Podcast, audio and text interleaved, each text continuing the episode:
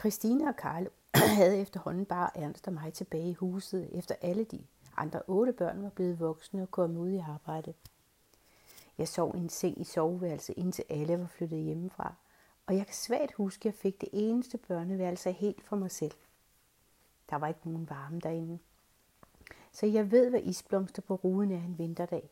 Men når dynen var forvarme inde ved karkloven, og man kom i seng, så tænkte man ikke så meget over det. Tæerne blev indenfor. Jeg elskede at være på værelset, og selvom jeg måske dybest set kedede mig, så endte det altid med, at jeg fandt på noget at lave. Under min seng gemte jeg altid et stort rod, og hver gang jeg fik skubbet tingene ud, var det en spændende opdagelsesrejse. Det endte altid med at komme ind igen, og blev min skattekiste at gemme ting.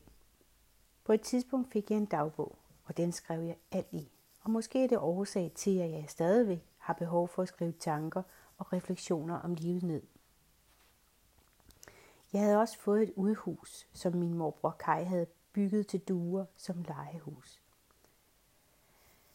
Hvor har jeg dog elsket det, og hvor har jeg dog leget mange gode timer derinde. Jeg fandt på alle, jeg fandt alle mulige gamle ting og pyntede med derinde. Og da min ældste datter Rikke købte et kolonihavehus, satte det mange minder i gang. Jeg har det godt med genbrug, og det var jo det, man gjorde dengang i 1960'erne. En af mine klassekammerater, Anne Bille, havde loftet fyldt af købmandsvarer, som var blevet tømt og stillet op som en ægte købmandsbutik på loftet. Det begyndte jeg også lidt på, men jeg fik aldrig lavet sådan en flot butik.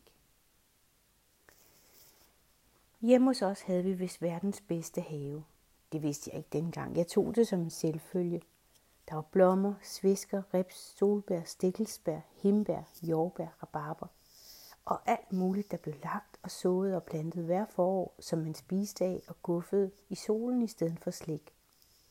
Jo, 50'erne og 60'ernes barndomsrammer var faktisk fantastisk sunde. Bortset fra bunden på nabokortet kørte forbi med bladangift på marken, så halvdelen af en stikkelsværbus gik ud på et par timer, men det tænkte vi ikke over skulle kunne ramme os. En af de farlige legepladser dengang var mærlegravene.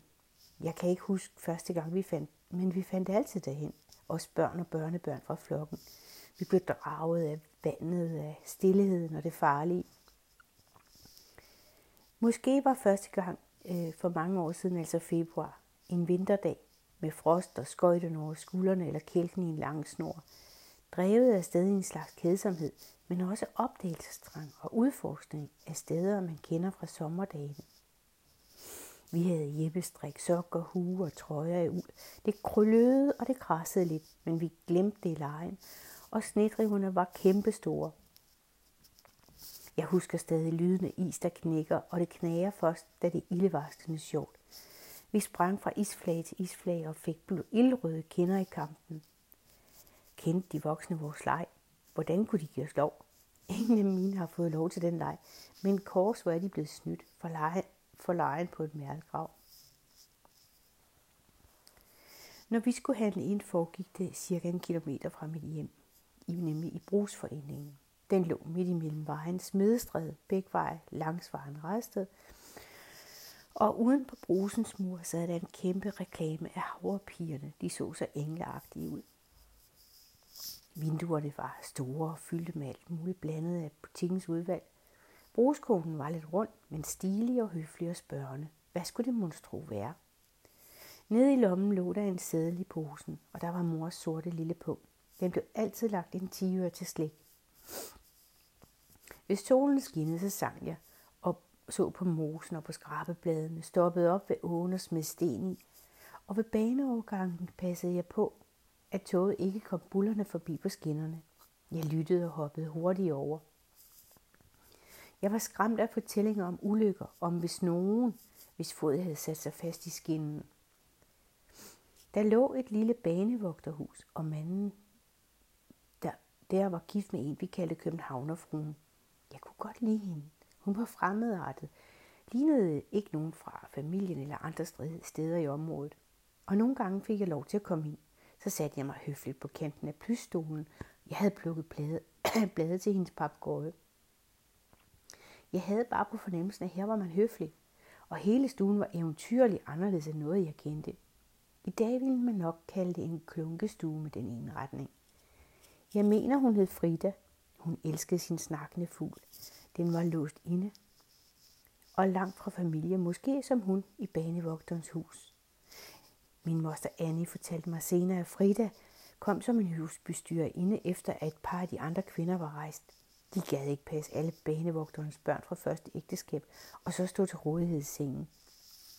Frida krævede ægteskab, og hun fik åbenbart jaget alle hans egne børn væk med tiden. Det vidste jeg dog ikke dengang. Jeg traskede forbi og blev underholdt af en københavnerdame. Jeg sad som sagt altid på kanten af stolen, og vi snakkede lidt sammen. Hun lå mig fodre papegøjen, og jeg fik en bolsje eller to og skulle hilse derhjemme. Og manden råbte også en glad hilsen fra haven. Efter turen hos banevogteren gik vejen forbi den søde kone Ingrid med alle sønnerne i huset. De boede tæt op ad et andet hus. En enkemand med telefon boede ved siden af, og han havde telefon i stuen. Vi lånte den nogle gange. Den var på en kæmpe skænk, og over telefonen hang der et maleri af blomster og frugter. Det var så ubeskriveligt flot malet. Så gik jeg forbi den smalle jordvej til venstre, og deroppe på en lille gård boede Larsens. Et pudsigt ægtepar. Han var ranglet og rødmoset i kinderne og altid i arbejde. De havde to sønner, og hver gang jeg nåede ind i køkkenet for måske at betale æg eller lignende, kunne jeg næsten ikke holde grislugten ud. Hele køkkenet lugtede stald. Konen navn Helle Larsen var ikke feminin, men hun var på en måde så sjov og kontant. Jeg har få gange set hende i kjole, men den hang som et kostyme, alt for ranglet. Hendes hår var mest drengeklippet, og hun havde det helt klart bedst i gummistøvler over overalls. Vi kunne så godt lide hende, hele familien. Jeg tror også, jeg legede nogle gange med drengene, men de levede ligesom mest i deres egen verden. Den ene søn endte vist i militæret med en høj rang, og den yngste købte vist en gård tæt ved sine forældres. De havde køer på marken året rundt. Eller måske ikke i frosten, tænker jeg. Men dem har jeg tit snakket med. Deres store, smukke øjne og muler fuglede mig opmærksomt på min vej, og de træskede langs med hegnet af stål. Så kunne jeg se vores stråtægte hus omgivet af hækken, piletræer og lægehegn og masser af blomster. Christine ventede i køkkenet og smilede, tog posen, roste mig for mine køb, og pengene stemte. Og så fik jeg et knus. Jeg ved ikke, hvorfor jeg handlede ind. Det var nok mere en syssel, en måde at beskæftige pigebarnet på. Men det fyldte jo dagen og vejen og gav mig ansvar og tid til at gro, så vejen til brusen var mere end god. Jeg var så heldig at få en bedste veninde fra anden klasse. Hun hed Jena og havde forældre, der var næsten lige så gamle som min mormor og morfar De boede i et hus nede ved Hydesbyskoven, og det var et virkelig hyggeligt hjem. Jenas mor var fyldt med sådan en skæv, sjov, hu, sort humor, og den havde Jena også. Vi har simpelthen grint så meget sammen, og sådan en veninde gør livet meget tryggere og bedre. Vi sad altid ved siden af hinanden i skolen og hyggede os i, i frikvartererne. For nylig, da hun fyldte 64, sendte jeg dette digt til hende. I barndommens spor krydsede vores veje med venskabets kærlige bånd. Det styrkede sjælen for evigt, for tryghed, genklang og klukkende latter var hverdagens skuld. Vi oplevede mange sjove ting sammen. Og der var også oplevelser i skolen, som ikke var så idylliske, men vi kom jo igennem det. En af de oplevelser, jeg husker, var denne. Der var med vores lærer, herr Nielsen, en meget fromme mand. Kom nu, knurrede herr Nielsen. Han traskede rask afsted. Hans brune sko satte store fodspor, og vi hoppede for at gå i den. Og klub lå, når det lykkedes. Så er det vist nok, lød det. Han kiggede strengt på os, og altid mest på mig, synes jeg. Han vidste, jeg kunne drille ham med at stille spørgsmål. Han havde engang båret mig så hårdt ud af klasselokalet, at jeg fik mærker på ryggen. Og det var bare fordi, jeg rakte hånden op og spurgte, hvorfor skal vi lære noget i en sangtime? I dag var han nok blevet fyret eller havde fået en påtale, men dengang turde forældrene ikke sige noget. Ikke Christine og Carlo i hvert fald. Så jeg vidste bare, at ham kunne jeg aldrig rigtig stole på, og jeg måtte indordne mig at være så stille og artig som muligt. Men svært var det. Herr Nielsen havde sagt, at han havde en overraskelse til os.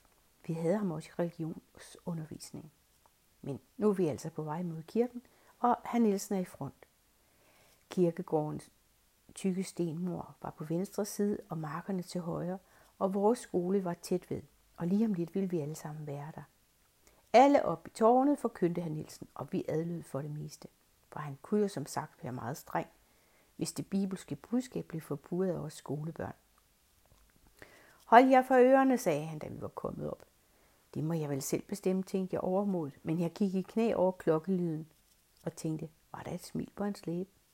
Jeg var lidt rystet, men grinede, og, og ja, pyt, det var kirkeklokken, og den var jo baggrundslyd til livet i restet, forår, sommer, efterår og vinter. Herr Nielsen kiggede bestemt på os alle sammen. Ved I, hvor helvede er henne? spurgte han højt. Der var ikke nogen, der svarede lige med det samme, og vi var helt stille. Helvede? Jamen, hvad må han dog mente? Vi havde jo lært om himmel og helvede og alt, hvad det betød. Så vi begyndte at stå lidt roligt og gloede bare på ham. Hvorfor sagde han nu det? Men han peger lodret nedad med et overbevisende udtryk. Syv mil, kære børn. Lige under jeres fødder, under Rædste kirken, er helvede. Der blev stille blandt os. Det var lidt skræmmende. Han nød stillheden og skrækken, trøste os venligt igen og sagde, kirken skal bare blive liggende. Legenden siger, at så længe rejste kirke bliver liggende, er hullet til helvede lukket. Bum. Så lærte vi den historie, og jeg skal da love for, at den for evigt ligger i baghovedet. Nu var jeg blevet, nu var jeg blevet tilmeldt dans, danseundervisning i forsamlingshuset Redsted hos fru Skade og frøken Elnegård. De, de drev en legendarisk dygtige danseskoler, og de kom rundt i landsbyerne også. Og jeg husker tydeligt en, en forårsdag i maj. Jeg cyklede hjem fra skole og smed tasken fra, fra mig, og der var besøg i stuen. Den nystrøede du var lagt, de blomstrede kopper var fyldt med nylavet kaffe, og bollerne var smurt. En kvindestemme fyldte stuen med nyheder. I hjørnet, hjørnet sad Ernst stille med et smil på læben og lyttede til et landsbysnak. Fru Stork fra Østerrejste var på visit. Jeg forsvandt ude i haven, på jagt efter noget sjovt, noget spiselig frugt eller bare lidt alene tid, og efterlod stuens hygge med en bolle i hånden. Men efter en stund blev der råbt mit navn. Lene, Lene, Lene. Hmm. Jeg kravlede ned ad træet og stod med ulet hår. Fru Stork sagde lidt for sødt. Lene, skal du ikke til dans? Og bag, på, bag ved mig på en stol lå knæstrøm og hvide dansesko. Jeg stirrede forbavset og var for en gang skyld mundlam. Christine lå af mig og tog en kam og en klud, og pludselig var jeg helt fin. Min sjælen gad ikke danse så meget som et eneste dansetrin på kommando. Oppe i forsamlingshuset i Rædsted stod fru Skade og frøken Elnegård. De var som to heste, der duftede græs og uden for stallen. De var så parate til en times dans med os børn. Jeg satte mig, som vi skulle på træstolene ude langs med væggene i forsamlingshuset, og min mave knudede sig sammen. Åh, jeg var så bange for det, der kom nu. Drengene skulle byde pigerne op, og det var så trist ikke at blive budt op, og så måske blive nødt til at danse med en større pige, der næv mig i siden, hvis jeg dansede forkert.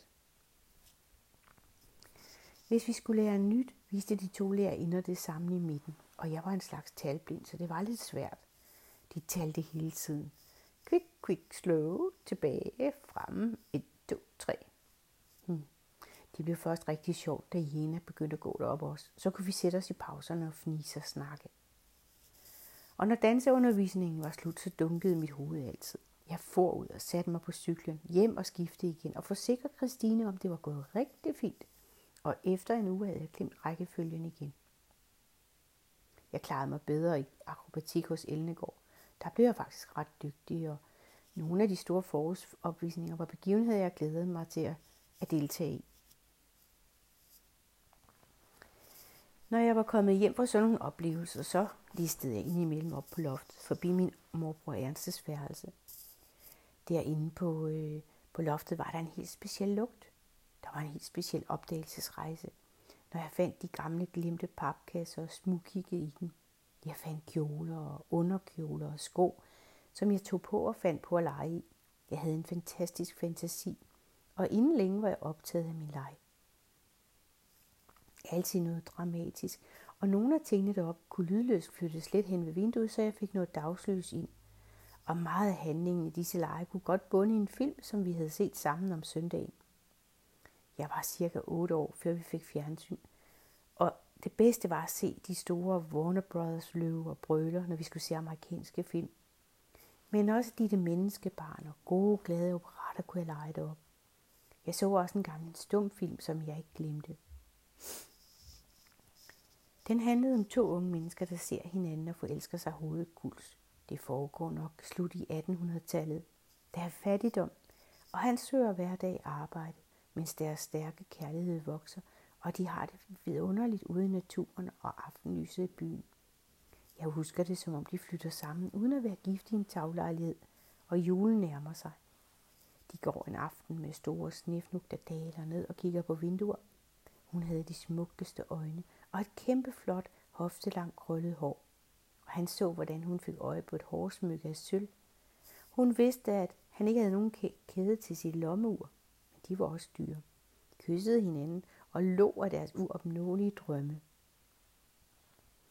Julemorgen ser man så stadig i sort og hvid, hvordan der ligger to pakker i den fattige stue, og kameraet fokuserer langsomt op på kvindens hoved, der er dækket af et tørklæde.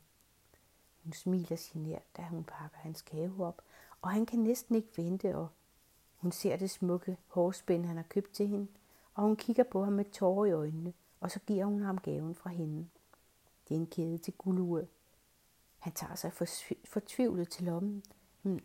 Han har jo solgt det for at købe gaven til sin eneste ene, og hun tager langsomt tørklædet af, og man ser alt hendes hår klippet af. Hun har solgt sit hår til en parrykmager for at få til gaven. Og den film var så smuk, og er sikkert væk i dag. Men i mine lege var det den ultimative kærlighed, ren og ganske uskyldig. Hvert år til jul købte Christine julelampen skær, en slags julehistorie-noveller, samlet i en lidt pænere trykning og omslag. Der faldt jeg over en novelle, som jeg læste igen og igen. Den handlede om en 10-11-årig pige, der kom på sanatorium i Østrig med en lungesygdom. Man hører om, hvordan hun ikke engang kan gå, selvom hun må køre i kørestol. Og når solen skinner, kommer hun ud på den smukke terrasse med den fantastiske udsigt til bjergene og får sol i kinderne. Men hun er ensom, og hver eneste gang de andre på sanatoriet får besøg af deres forældre og søskende, kan hun kun se til og kniber i skjul en tårer over, at hun ikke får besøg. Man hører ikke rigtigt for hvorfor, før en sen aften, hvor hun lige var faldet i søvn, og hendes værelsesdør går op. I døren står der en næsten hvid engel, men det er ikke en engel. Det er hendes smukke mor i hvid spacerdragt og hat. Hun viser sig at være en verdensberømt pianistinde, og nu har hun lige en halv time i sin kalender til at besøge sin syge datter. Den historie er temmelig god til tudetid, og den var stensikker. Jeg genfortæller frit efter hukommelsen, og hvis I kender historien, så skriv endelig til mig. En anden vigtig ting, jeg fandt på loftet, var pukbogen. Min, min, min moster Annis måske. Vi havde nemlig ikke bogreoler derhjemme. Christine læste altid ude hjemme og familiejournal, men bøger kunne altså ikke nå. Så da jeg sad med den fine lyserøde bog og bladrede i den, blev jeg meget grebet af historien. En pige på kostskole, en verden så langt fra min. Det var et guldfund. Jeg fandt også gamle blonde gardiner og min fars piber med sølvlåg og hjemmelavede træskostøvler og snekerværktøj. Det var også der, kattemor fødte sine killinger hvert forår. Og det var bare det bedste i verden, at sidde der og nusse de små. Kattemor gav mig ligesom lov. Og jeg kan stadig mærke dem og se på mig, hvordan de kiggede med åbne øjne, og halen blev brugt som styreredskab, når, når deres små usikre skridt gik med de bløde poter. Der kom dog altid tragedie og, skå og skrål, når, når Carlo havde ordnet systemet, og vi kun havde gamle mis tilbage, efter de var druknet. Men sådan gjorde man dengang. Jeg prøvede ellers med tiden at være snu og hemmelighedsfuld, men Carlo vidste besked. I den tid der opfandt jeg faktisk en usynlig bedste veninde, som jeg passende kunne finde frem, når jeg havde brug for det. Hun boede så mest i et hul piletræ, men fik lov til at komme med for loftet. Det sted var ligesom min egen verden. Det var ligesom om, at hver gang jeg tog nogen med derop, så blev tingene ikke så sjove og eventyrlige. Så var det lige pludselig bare gammel skrammel.